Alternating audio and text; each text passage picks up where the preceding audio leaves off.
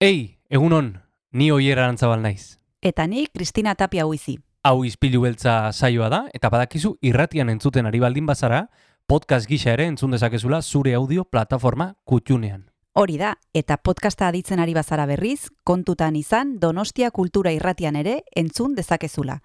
FM eundazazpi puntu lau frekuentzian. Sare sozialetan ere topatuko gaituzu noski, izpilu beltza bilatuta, Instagram, Facebook eta Twitterren. Besterik gabe, guazen gaurko saioarekin. Az gaitezen,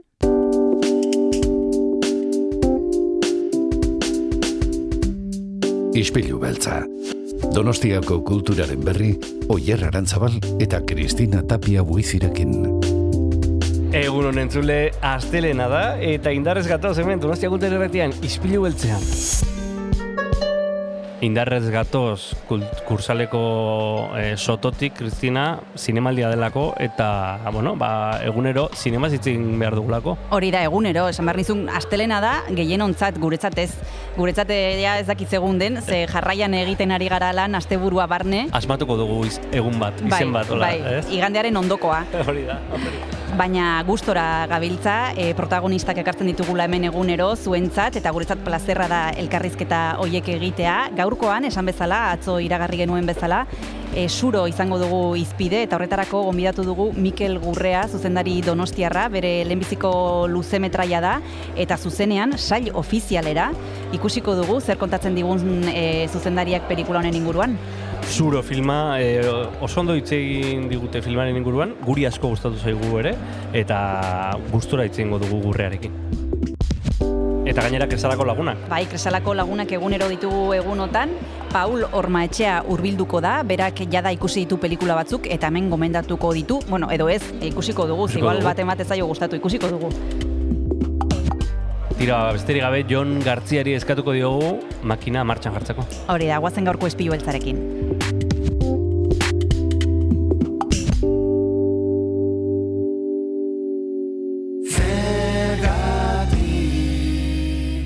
Donostiako zinemaldiarekin jarraitzen dugu, astelena da entzule, eta tira, Fisis versus Nomosen aurtzakagoaz abestiarekin hasiko dugu saioa gaurkoan berriz ere.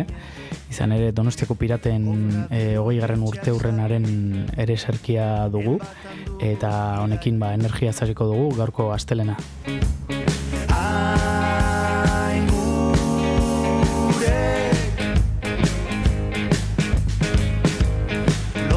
engaño.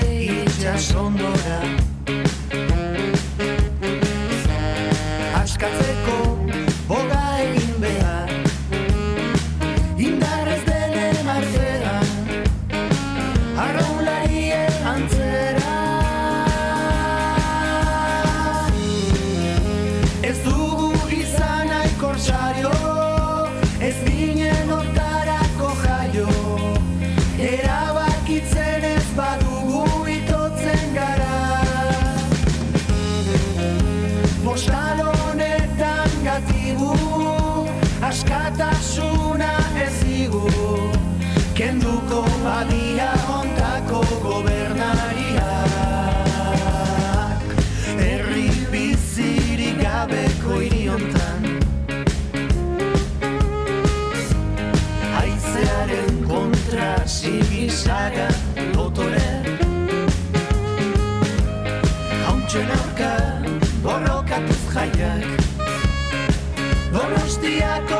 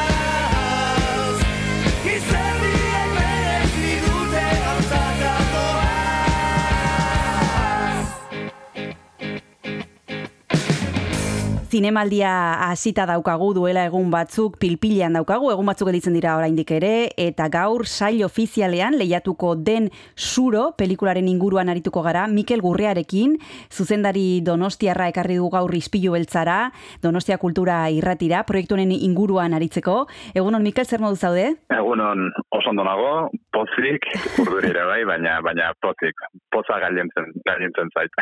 Bueno, zure lehenbiziko luzea, e, Mikel, eta ja sail ofiziala. Nik ezakit nola hartzen duzun e, horrelako albistea deitzen e, dizutenean, edo emailez, edo ezakit nola e, komunikatzen diren zurekin, eta esateko, e, ba, sail ofizial erangongo dela zure proiektua. Nola jasotzen nuen albistea? Ba begira, e, oso ondo goratzen dut, e, izan ere ni oraindikan ere ari, ari nintzen e, suroren postprodukzioan lanean, ez? E, ba, pelikularen azken ukituak, e, soinuarenak, kolorearenak, eta e, Xabi Berzosa ekoizleak deitu zidan, e, Donost, Donostiko zinemaldiko zuzendaria, Jose Luis Rebordinonek, e, deitu ziola, e, hori esaten. Xabik, hau ez dakit, akatu egingo nau, behar bada baina Xabik, kantatu zidan, ezerrez esan gabe, e, nola da Monty Pythonen e, Life of Brian, ez? La vida de Brianen e, Bai. txistuz, tx- txistukatzen duten Bai. abestiura, oso osorik kantatu eta nik esaten nion, baina, baina zer da, baina zer gertatzen da, eta orduan berak ez duzun, always look at the bright side of life, ez? Wow. Eta orduan gero, gero mantzidan berria, eta eta ez dut oso ondo gogoratzen eh, zer egin nuen momentu horretan. Nik uste ba, ba, oiuak eta besarkak gogoratzen ditut, hori bai, eta eta gero ba, ba, bueno, ba, sentitu nuen eh, sekulako poza, eh, eskerra, eh, baita ere, ba, bueno, apaltasuna, ez, eh, hori bat da, eta orduan guzti hori, eta baita ere, ba, ba, bueno, ba, sentitzen duzu, nire kasuan sentitu nuen, ba, lantalde osoarekiko, ba, ba, ba poza, ez, azkenean, badakizu, ba, bat danok bizi izango dugula hori, ba, ba, zoriontasun handiarekin ze, ze oso garrantzitsua da filmarentzako. Eta jaketa hor zauden, sail ofizialean zauden, burutik pasatzen zaizu saria zuentzat izango dela? Edo ja hori e, zuze oraindikan irudikatzen, edo ezakit, e, urbilago zaudetenez, hori noizbait pasatu den zuen burutik? E, e, pasatzen zaizu burutik e, jendeak komentatzen dizulako e, e, eta ardun, eta ardun hortxe daukazu. E, tira, nik mm, zineman, zineman lehiatzea e, gauza bitxia egiten zait, ez? Arraroa egiten zait, e, e, partekatzea e, iruditzen zait ba, termino egokiago bat, ez? Azkenean arte, arteetan arteak ez dira kirola, ez? Ordon, saria hor dago, sariek balio dute ba, bultzada moduan, urrengo, urrengo proiektuetarako, eta jakina zoragarria litzatekela. Baina ni oain, eh, nago, eta hori benetan esaten ditut, buru belarri pentsatzen, ea gaurko emanaldian jendeak nola jasoko duen. Azkenean, urteak eta urteak eman ditugu pelikula hau egiten, eta oraindikan ez du jendeak ikusi, ez da? Hmm. Orduan eh, hori da peinena. Eta haien eh, reakzioa eh, positiboa bada, hori izango da Mhm. Bueno, guazen hitz egitera pelikularen inguruan, e, suro du izena, zer kontatzen duzu, bueno, gehiegi kontatu gabe ere, baina zein da historiaren muina? Bai, e, zuro, zuro e, katalanezko hitz bat da, ez? E, katalanez kortxoa esan nahi du, kortxo materiala. Eta, eta behar bada polita litzateke e, e, historiaren jatorria edo azalduko banu. E, ni 2000 eta marrean, nik Bartzelonan e, ikasi nuen e, e, unibertsitatean eta karrera amaitu. Eta hortxe galtu nintzen beka bat eskatu nahian atzerrira juteko, baina pixkat, ba, bueno, ba, ba, unibertsitatea bukatzen den e, amildegitxo horretan, ez? Nora, nora bota jakin gabe. Eta nire orduko bikotearen e, gurasoen bitartez, e, e, ukin nuen aukera, temporero moduan, e, kortxoaren e, ba, ba, basoko kanpainan e, lan egiteko, ez, langile moduan. Kortxoa egiten dute e, zuaitzetatikan zuritu, ez, aizkorekin, eta gero kargatzen dute kamioietan, eta alik eta tona gehien atera bar dira, egunero, egunero, gero hori saldu alizateko, ez. Orduan, hor deskubritu nuen, e, ba, testuraz eta soinuz, oso aberatsa eta niretzako oso cinematografikoa izan ziteken mundu bat, universo bat, eta baita ere e, sentitu nituen edo eduki nituen sentsazio kontrajarriak, ez? Alde batetik ni lur jabe batzuen partetik nentorren, baina nien nintzen lur jabea. E, ni katalanez hitz egiten dut, baina nien naiz katalana. E, temporero moduan ari nintzen lanean, baina nik banekien e, den, denboraldia bukatu eta nik beste gauza batetara joko nukela, joko nuela eta beraien ogibidea hori zela, ezta? Eta sentsazio guzti horiek, baina baita ere engranaje horren parte nahi izatea, ez? Egunero, egunero, ba, ba, familitxo horren parte nahi izate hori, sentsazio kontrajarri horiek ba, ba gelitu ziren nirekin eta egun batetan e, pentsatu nuen egun batetan nahiko nukela zeo zer idatzi horren ingurua. Ba, Pasatziren ni Londresa jo nintzen ikastea eta iritsi zenean momentua pentsatzeko zein izango ote zen nire lemiziko film laburra, e, film luzea barkatu, ba, pentsatu nuen e, e, gauza horietan eta baita ere ba, ni nire e, or, orainean, ez? Nik orduan hogeita mabi, hogeita mair urten euskan, harreman luze batetan nengoen, ez? Eta pixka bat ari ginen, e, ba bueno, e, unibertsalak diren erronka hoiekin, ez? Nola bizi nahi dugu irian, e, e, landa eremuan, aurrak izan nahi ditugu bai ala ez, era sostengarri, sostengarriago batetan bizi gaitezke bai ala ez, ez? Pixkat idealak eta praktikotasunaren kontra eh, bueno, hoien artean egon daiteken talka, ez? Mm Gauza guzti horiek nahaztuta, sortu zen Elena eta Joan, eh, Bai. filmaren protagonisten Bai. historia, ez? Azkenan da, Bartzelona utzi, eta landa ere amura juten dan bikote bat, ez, ba, pixkat ideal guzti horiekin e, bizitza berri bat sortzera,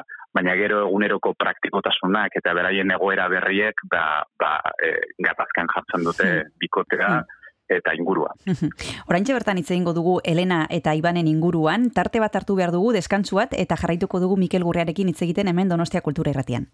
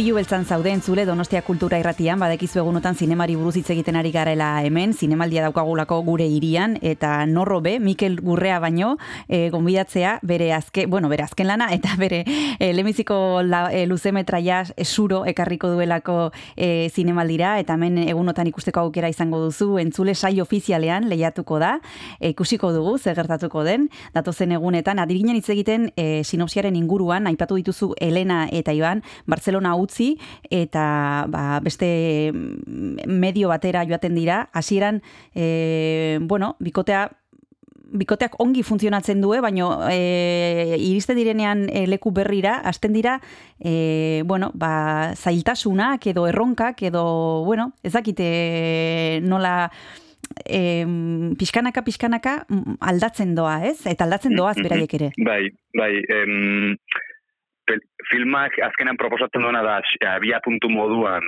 e, filmak bi ikuspuntu dauzka, ezta? Helenarena eta Ibanena e, e, esango nuke zo- zorrozki e, demokratikoak direnak, ez? E, bi, bi protagonista dauzkan e, filme bat da zentzorretan. Eta orduan hasiera batean ba, bikote begirada bakar eta eta unifikatu bat beharko luken hori, ba, e, testu inguruz aldatzen e, direnean, ez, eta landa ere mura dijoazenean, basoetara bizitzera, ba, bi ikuspuntu horiek e, banatzen dijoaz, ez, eta pixkanaka, pixkanaka, e, ba, talka moduko bat e, sortzen da beraien artean, ez, eta horrek tensio bat eragiten dio bikoteari eta filmari berari ere. E, filman ere aprobetsatzen duzu Mikel beste gauza batzuen inguruan hitz egiteko eta bat da Mm. horietako bat landa eremua e, Mhm. nola bizi diren e, gaur egun landa eremuan lan egin behar duten pertsonek migrazioa ere bai e, bueno ez da bakarrikan ez soilik e, bikote baten historia ez da Ez, ez, ez, azkenean, e, ba, pixkatia, em, elkarri, elkar elikatzen diren tensioak, ez? E, bikotearen tensio hori dago, e, e, idealak eta praktikotasunaren tentsio hori dago, e, basoko lanaren e, tentsioa dago, ezta? E, bertako langileen arteko tentsioak, eta tentsio batek bestea elikatzen du, horrela eraikitzen da pixka bat pelikula, ba, e, tensio horrek e, behar bada estanda egin arte, ez, Mhm. momentu batetan. Eta prozesu hontan esan duzu aspalditik zeneukana ideia buruan, e, has- hasi zinela Mhm. lehenbiziko idazten, zuk esperientzia pertsonala izan zenuen e, kortxoa e, jasotzen. Mhm. E, zein izan da e, bide hontan momenturik e, zailena edo gogorrena edo erronkarik nabarmenena? E... Edo asko Ba, izan dira, edo igual bakar bat ere ez? As, bai, e, asko izan dira, eta aldi berean e, nik prozesua e, ikaragarri disfrutatu dut, gozatu dut. Ez da, ez da izan inundik inora, e, hoxe ez, e, orokorrean, ah, sufritu dudan gautza bat, ez. Tira, gogorra da beti e, pelikula bat egiteko em, aurrakontu bat behar da, Hmm. eta aur, aurrekontu hori aurrera ateratzeko eta hori ba, e, pelikula gauzatzeko adina izango ote den edo ez, momentu horiek, ez, balantza horiek, zailak izaten dira, ze erabaki momentuak dira, eta eta erabaki horietan ba, ba, sakrifizioak daude, jakina, ez, e, gauza batzuk, ba, e, behar bada, e, e, egin nahi zirenak, ba, ezingo dira egin, edo ezingo dira egin, e, nahi bezain besteko denborarekin, ez da? Azkenan zineman denbora diru bada. Baina, baina behin horiek e, ba, ajustatuta edo, ni lantaldearekin, nire koizleekin, oso harreman polita izan dut, eta oso zaindua e, sentitu naiz. Eta orduan nik uste horrela atera degula filma, eta filme exigentea izan da, hogeita lau egunetan egin dugu, eta hori Bai. oso, bueno, denbora denbora gutxi da, Bai, bai, baina bai. tira, e, e, atera genuen eta eta grabaketa naiz eta e, azkarra izan, o laburra edo gogorra esan dezakegu ere, oso alaia izan zen eta oso giro polita sortu zen gu guztion artean, ze uste, bageneukala sentsazio hori, batira, e, orain bai ez, hau egiten ari gera. Eta horrek azkenan ilusioak ba, ba denarekin aldu. Mhm. Orain jarraituko dugu zuro pelikularen inguruan hitz egiten, bigarren deskantzu hartu behar dugu, eta orain bertan itzuliko gara. Música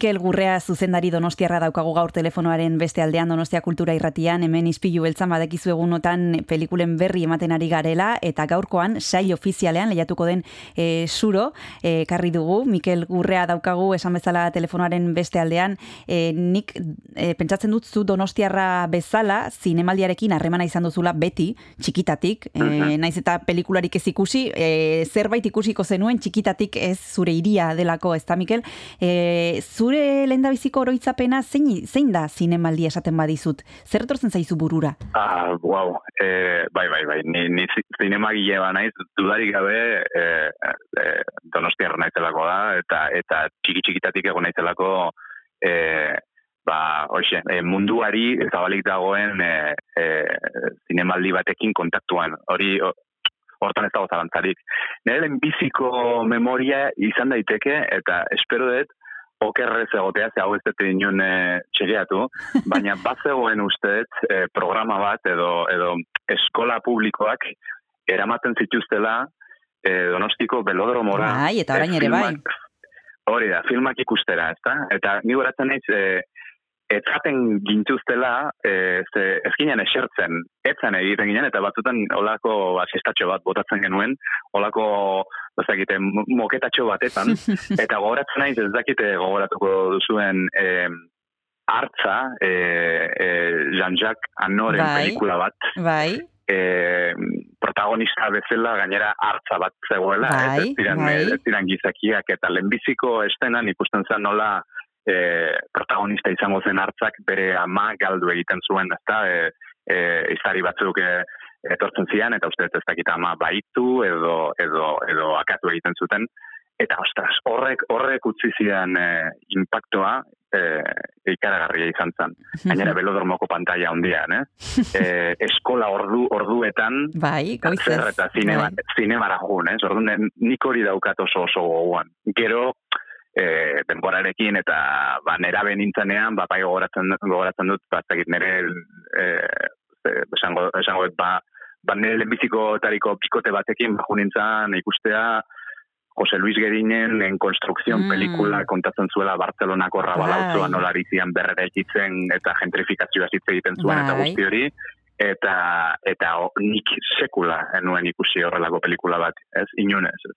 Orduan, bueno, izan da gradualki, baina lehenbiziko lehenbiziko memoria pelodromoko ura. Eta belodromotik eh, eskolakin eh, joan eh, pelikula bat ikustera, eta geroz ja nerabetzan beste pelikula mota batzuk ere bai, eta beste modu batera, eta orain e, sail ofizialean lehenbiziko proiektuarekin nola bizi duzu salto hori? Orain alfombra gorritik pasa beharko duzu, prentxaurrekoa eman beharko duzu, elkarrizketa mordoa, fokua zuregan egongo da, e, guztiz beste aldean egongo zara, protagonista izango zara, nola bizi duzu hori, eta etxean nola bizi dute zure gurasoek eta zure familiak eta lagunek. Bueno, nire, nire, nire gurasoek eta nire kuadriakoek eta lagunek e, e, nirekin bizi dute, eta gaina beraiek jasaten dituzte, claro, hau da azkenean ba, ba, ikusten dena, ez? Baina urteetan eta urteetan dauden eguneroko lanak eta kalamitateak Claro. eta bar beraiek beraiek bizi dituzten edekin orduan nik uste badaukatela eta eta eta zentzuzkoa da, ez? E, Justiziazkoa da, ba- badaukatela olako, bueno, hau ere gurea da, ze beraiena da baita ere. Em, e, zu komentatzen zenuena eta asombra eta fokua eta prentxaurrekoak, bueno, nik e, alde batetik e, iruditzen zait nik e, filma ordezkatzen dudala, ez, horrelako kasuetan, orduan e, e, kasu horretan nik baldin badukat hitza edo edo argazkia oso konstiente naiz e, lantalde izugarri baten ba, ba hoixe, e, e, irudia edo ahotsa naizela momentu horretan. Eta horrela hartzen dut, eta orduan e, ba, horren erantzule eta erantzukizun horrekin hartzen dut. Eta, eta bestalde, ba, bueno, badauka baita ere puntxu bat zerretik ez, ba, ba, gozatzekoa ez, azkenean esperientzia berri bat da, eh, enaiz bakarrek egongo, Biki Luengo, Paul López, Ilias Elguadani aktorekin egongo naiz, ekoizle- ekoizlekin egongo naiz, eta eta jekin batera, ba, nolabait da bizitzea bidaia oso luze baten, ez dakit amaiera, baina bai, bueno, muin Bai. bat. Bai, ze, zuk pelikula daukazu buruan aspalditik, e, orain esan dezagun erditzera zoazela, e, publikoarekin konpartitzera, zuretzat bidaiaren amaiera, guretzat hasiera izango da, e, zurorekin, Hori da. ikusiko dugu nola hartzen duen publikoak, Mikel hemen, e, kulturaren munduan e, lan egiten duten pertsona askorekin hitz egiten dugu, eta beti esaten digute, guri aurkezten digutenean proiektua, esan bezalazuk, amaiera da, eta orduan e, beraiek ja beste bat gauza bat daukate buruan. Zure kasuan, buruan, kajoian, maigainean, non baiten daukazu beste zerbait ja? Bai, begira, e, nik uste baita ere behar bada zurorekin buru belarri bi naizen ezola e, harreman esklusibo batetan esango genuken bezala, e, urteetan, orain e, ba pixkate forzatu forzatu diot nere buruari edo edo eragin diot nere buruari ba e, bi spairu gauza aldi berean e, garatzen ibiltzeko. Eta horretan ari naiz e, ba euskat horre bi e, film luze proiektu e, biekin gozatzen ari naiz eta esperoan zeinek hartuko duen ba, ba biadura edo energiarik handiena eta hori izan dadila ba, ba nire urrengo e, proiektua, hori da. Bueno, ea ikusten dugun, ikusteko aukera izango du- dugu, seguru aski, ez hori espero dugu behintzat, bitartean zuro daukagu disfrutatzeko, egunotan esan bezala zinemaldian, eta espero dugu gero zinema arruntetan ere norbaitek orain ez badu ikusten errekuperatzeko aukera izatea. Eskerrik asko, e, Mikel Gurrea, izpilu beltzara urbeltzeagatik, Donostia Kultura Irratia, zorte hon, talde osoari, eta hurrengora arte, besarkada bat. Besarka bat, eskerrik asko zuei. Agur. Agur. Bizi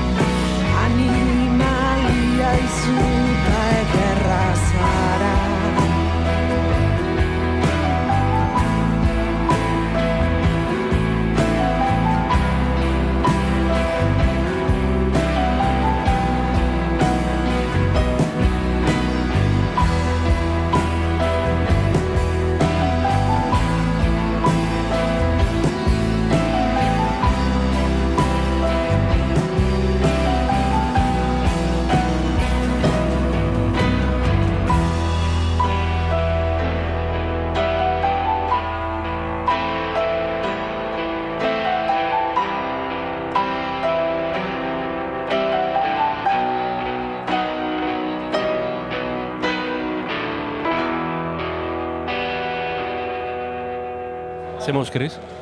Ongi, Ongi. zinemaldiaren erdian gaude, bueno, erdian hortxe hortxe.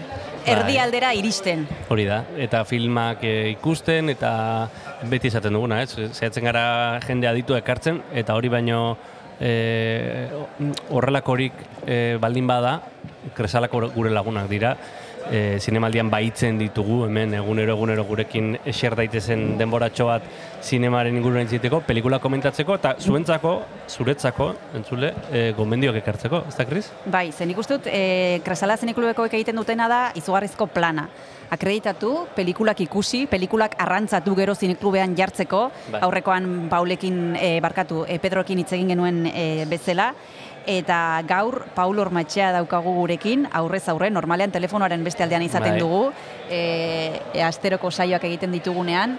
Eta, Egunon. eta ez du disimulatzen bere plazerra e, e, zinemaldian pelikulak ikustearen. Bai, izugarrizko poz aurpegia dauka. E, egunon, Paul, zer modu zaude? Egun hon, egun hon, oso ondo, oso ondo. Oso gustora ja zinemaldian atope sartuta, eta ba hori, ja erdialdean, ja bukaera ikusten da iristen, eta triste. Triste, Ja, ja triste. bueno, horiek editzen da, eh? Bai. E, gainera aurtengo zinemaldia luzeagoa izango da. E, galetu behar nizun, e, Paul, e, Pedro hori galetu genion berdina, nola prestatzen duzu zinemaldia? Nola aukeratzen dituzu filmak egunotan ikusi dituzuna?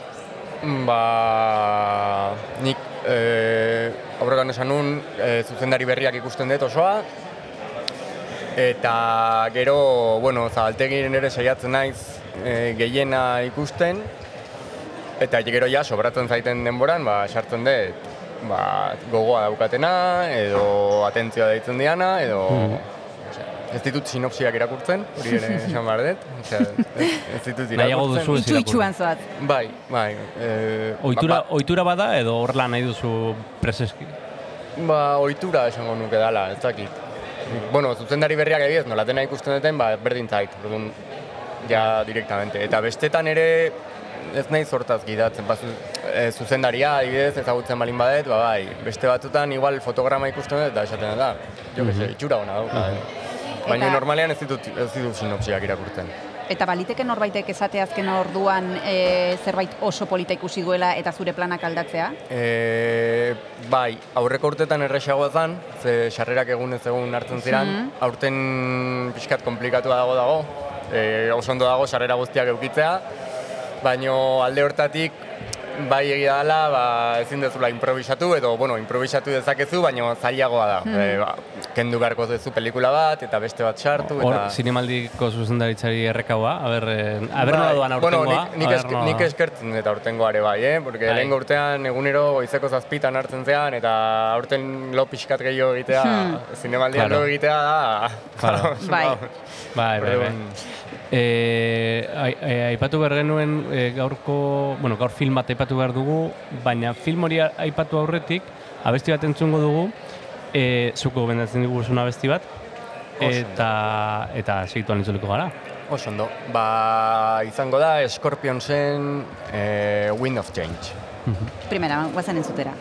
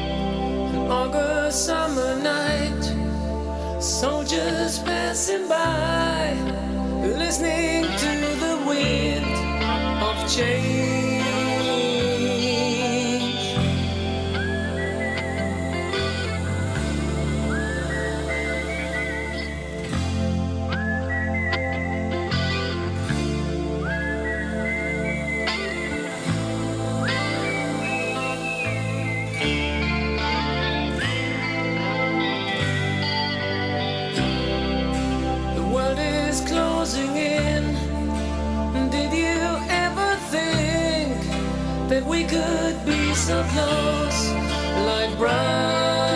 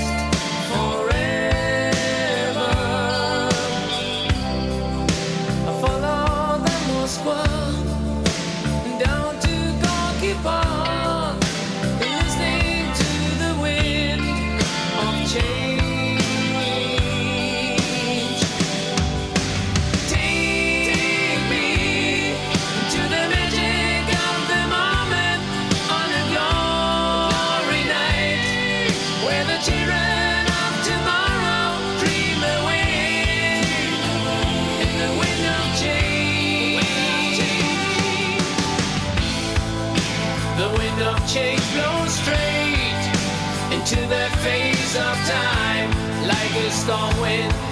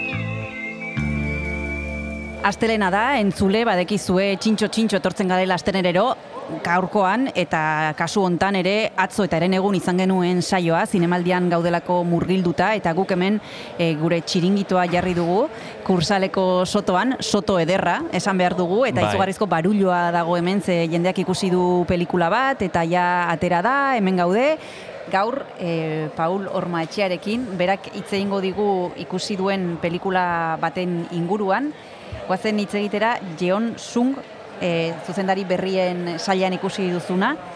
Jeon Ji Ie da zuzendaria, ez dakit ongi esan dudan, e, Ego Koreako filma da. E, Paul, zer esan dezakezu film honen inguruan, zeri buruz doa? Ba, bueno, niri gaia oso interesgarria iruditu zait. E, trama da, e, bueno, e, fabrika batean lan egiten duten jendea da, eta hor dago emakume bat, ba, berrogeita mar urte ingurukoa. Eta, bueno, e, sartzen da lanera gizon bat, eta Mhm. mai, maite mindu bezala egiten dira e, pelikula hasieran, eta gero, bueno, tartean bideo konprometitu bat erabatzen diote, e, konsentituta, baino gero bideo hori zabaldu egiten da, eta orduan ba, emakumearen lotxa, eta, eta bueno, ikusi ditugu horrelako gauzak, ez? Bai bizitza realean, bai pelikuletan ere esango nuken azaldu dela. Baina niri gustatu zait, e, gai aldetik gehien bat hitz egiten dulako ba, emakume heldu bati buruz eta nola ez dan berdina jende gaztearen artean zetratu daukan jende gazteak jende helduarekiko eta ez, ez larogei edo irurogeita hamar larogei e, urteko pertsonekiko, baizik eta berrogeita hamar urteko pertsona batik. Hor diskriminazioa dago, ez oso, oso argia adibidez, batzutan nik uste dut e, filmak bai egiten dula ez dakit torpe xamar edo igual e, pertsonaia batzuk daude gehiegi markatuta edo ez dira oso oso e, errealak esango nuke, baino oso interesgarria da, oso interesgarria da, ze, bueno, ba, ikusten duzu nola, nola ba, e, beraiek enkajatu nahi duten, edo eta gazteri horrekin ba, ez dira ondo konpontzen. E, enpresan gazteri, eh, gazte jende asko dago, eta jende heldua ba, pixka baztertuta dago, eta bueno, gero bideoarekin gainera ez da berdina, ba, ba, gazte bati eta gainera Asian, e, Asiako ekialde hortan ez beti dagola horrelako lotxa, Bai. e, lotxa, e, esango nuke sentimendu hori oso oso Orea, orea bai, oso, hori da, hori da, eta, claro, barneratu da, badago. berrogeita ama piko urteko emakume bat, ez dakit bananduta agon, edo bere gizona hiltzan, edo ez dakit. Mhm. E, eta berriro maite mintzen da, hor ere lotxa puntu bat dago, porque ba, agian ez da oso normala ez, ba, abentura bat eukitzea, Ez dago ondo ikusia. hori da, abentura bat eukitzea, berak lotxa pixka bat badauka, gero gainera bideo hori ateratzen da, orduan, bueno, e, interesgarria da, interesgarria da. Neri bukaera ez zait asko gustatu, baino filma ondo dago eta eta interesgarria iruditzen zait. John Sun, eh, John Ji Hieren eh, filma, ez dakit nork esan duen okerrago. Eh, tira, bigarren abesti bat eskatuko dizugu? Bai, ba, berri txarraken marabillas. Ba, venga, ba, guazen entzutera.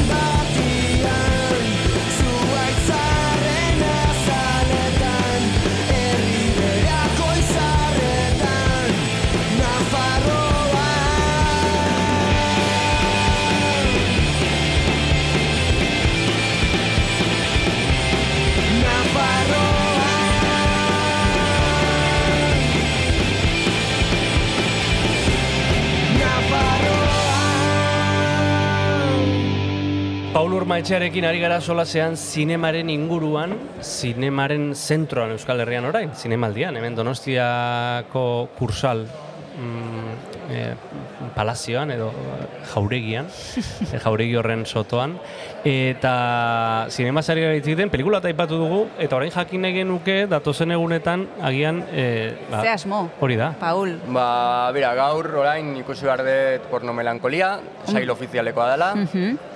Badirudi polemikaren bat egon dela aktorearekin egun hauetan. Bai.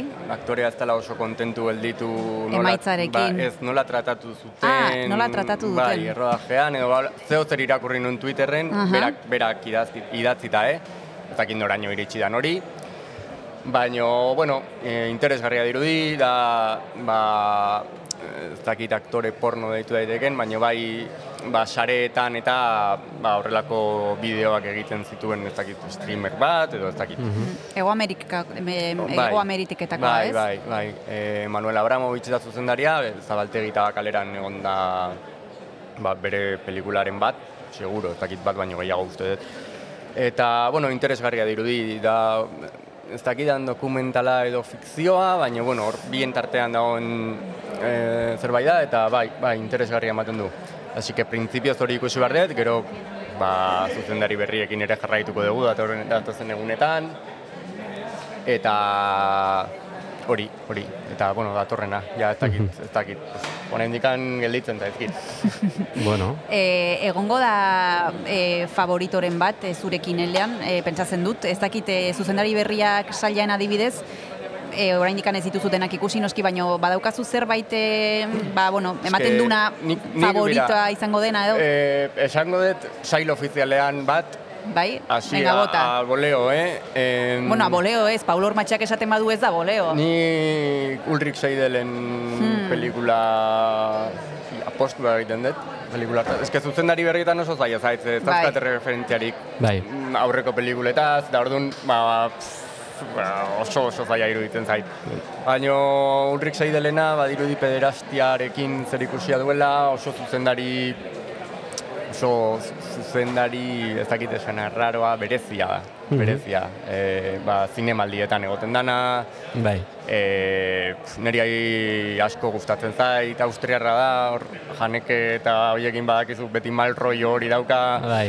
eta ez dakit, ez dakit. Bueno, Berak, esan eh, behar dugu epaimaia aldatu egin dela. Glenn Close izan behartzen lehendakaria, ez da etorriko, arazo familiarra izan du, eta azkeneko momentuan e, santzuen e, zela etorriko, eta bere kidea, mm, Matias Mos, e, ez dakit e, abizena ondo, bere kidea izango da lehendakaria, aldaketa horrekin agian mm, bai, erabaki aldatuko da ere. Bai, ni idea, eh? Osea, ez dakit. Ba, Egia esan, Glenn Close ez duen ikusten Ulrich Seidele saria ematen, baina, bueno, baina beti daude sorpresak zinemalditan, ez, ez, ez dituzun esperagotzak, eta nik eh, ez dut ikusi oraindik Ulrich Seidelen pelikula, baina badaukat hor.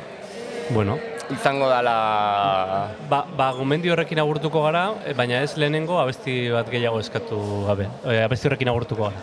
Bueno, ba, ze amaizen negoa joan data. Oso ondo. Negua joan data, negua badator, eta guk Paula agurtuko dugu, urrengora arte. Oso ondo. esker, Paul. Zuei, Aio. agur, Agur.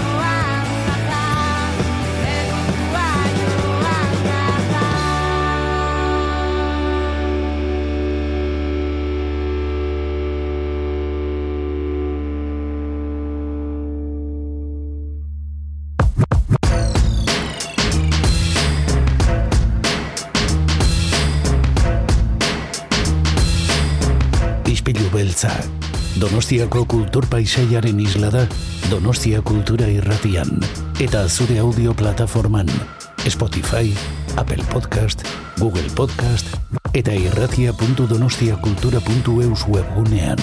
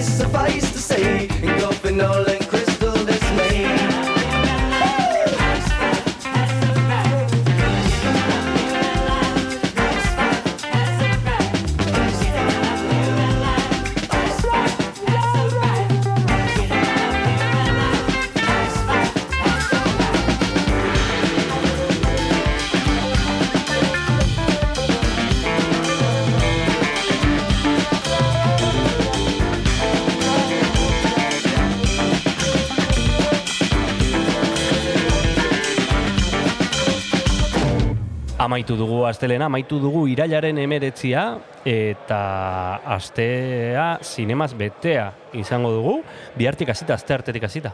Bai, bihar beste luxuzko gonbidatua izango dugu, Esti Urresola, kuerdas e, lab- e, laburra e, zuzendu du, eta hemen izango dugu Donostia Kultura Irratian, e, zuzendari arabarra, komentatzeko nola dagoen e, ba, pase hauen aurrean, eta gainera, badekizue, en, egunotan Kresala Zineklubeko laguna gonbidatzen ditugula egunero egunero, eta bihar Pedro Saldaina etorriko zaigu, berriro. Mhm. Pedro Saldaña, e, gure lagun zarra, eta asko dakiena zinemaz, e, oso gustora jasoko ditugu bere gomendioak eta bere, bueno, bere aipamenak, bere pelikulak. E, tira, hori bihar izango da, aste artea, hemen, Ispilu Beltzean, Donostia Kultura Erratian. Besterik ez. Bihar arte, Agur, agur. aio.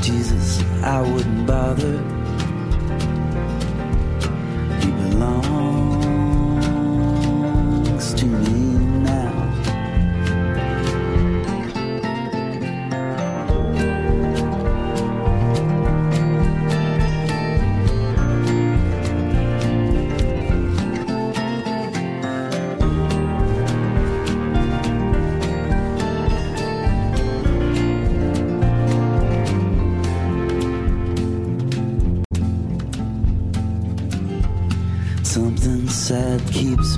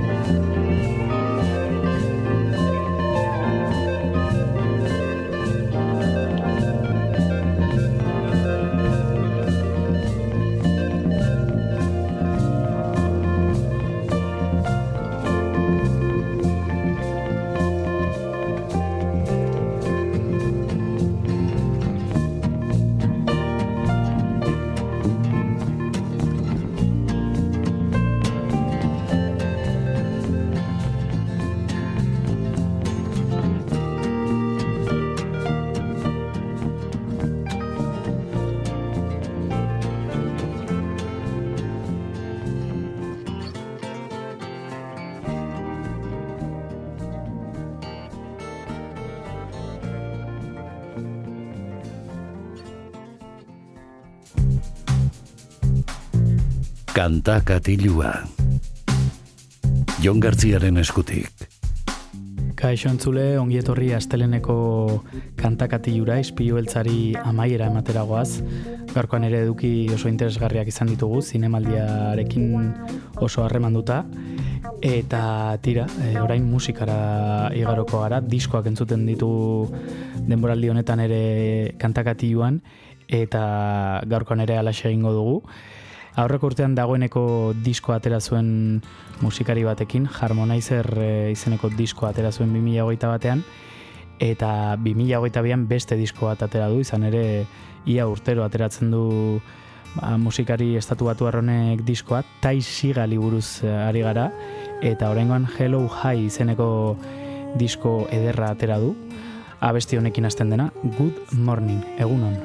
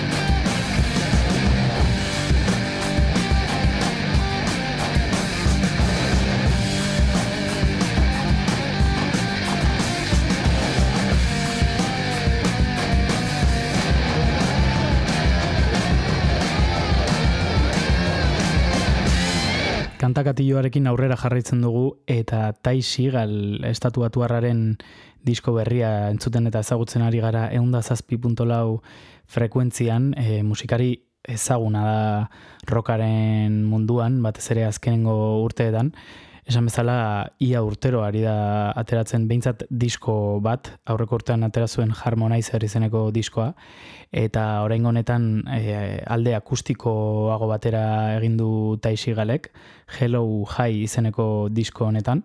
Orain txentzun dugu diskoari izena ematen dion e, abestia, Hello High, hain zuzen ere, eta jarraian beste bat entzungo dugu, Blue izenarekin, guazen entzutera eta gozatzera.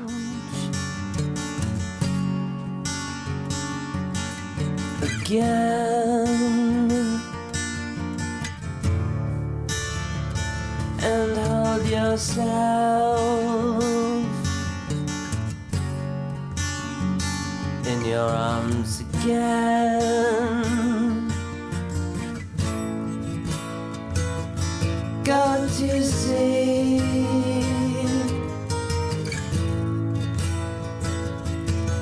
your baby.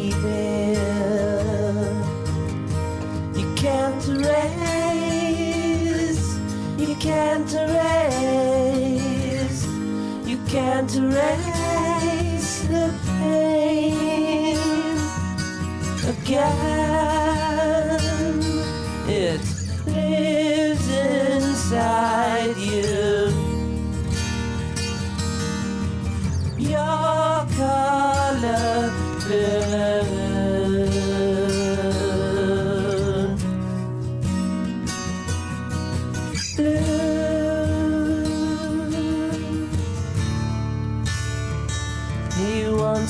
shame.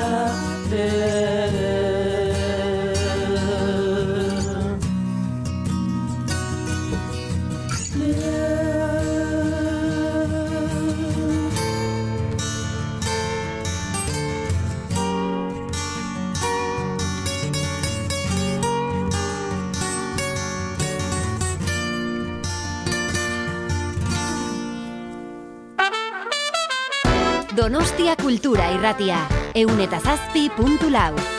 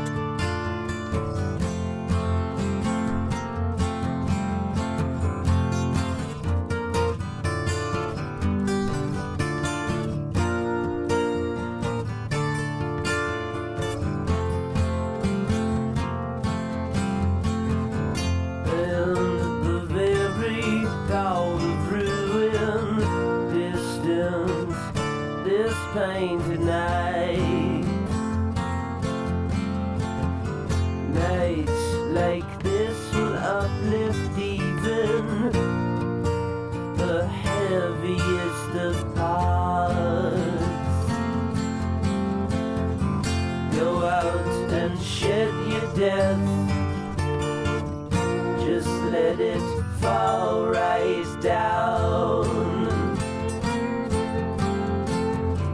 with endless fascination. How much will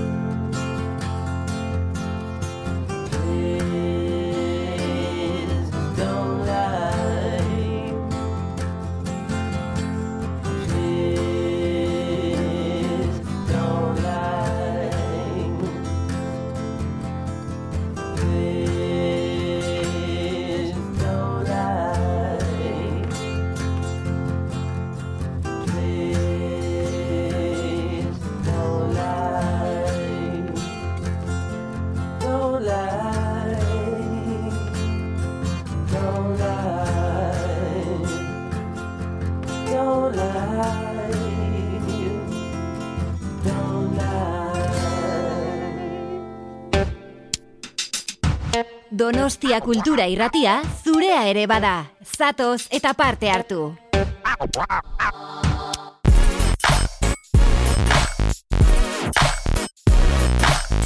Donostia Kultura Irratia. Iriko eta aldirietako kulturaren leioa.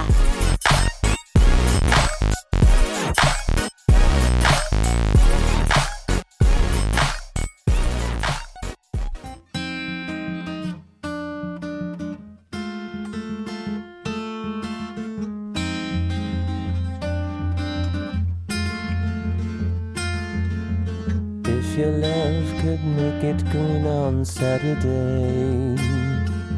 Wearing coat, remember what we used to say. Nothing,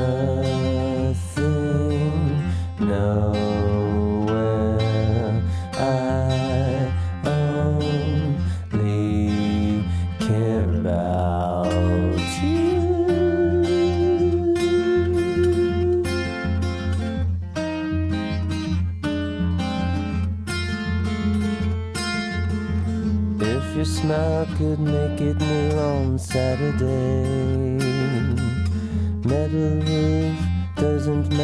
anyway.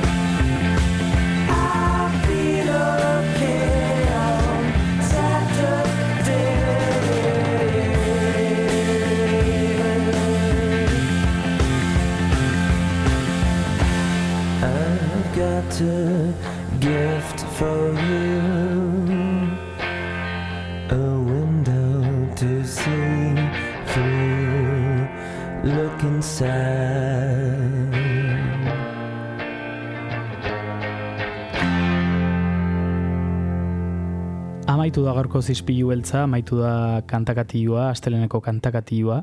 Entzun dugu Saturday Part 1 eta 2, e, bi partez osatutako ba, larun batari egindako abestia, Taisi Galen eskutik.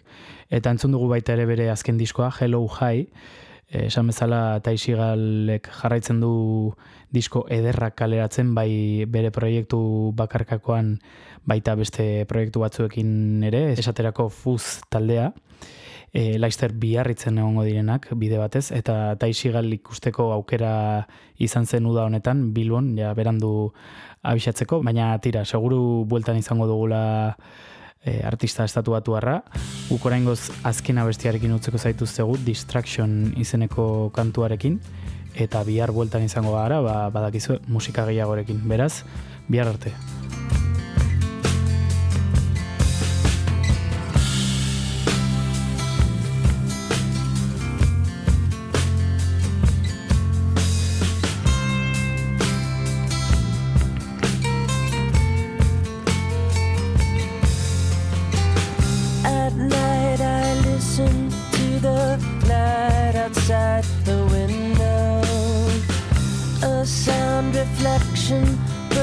regret.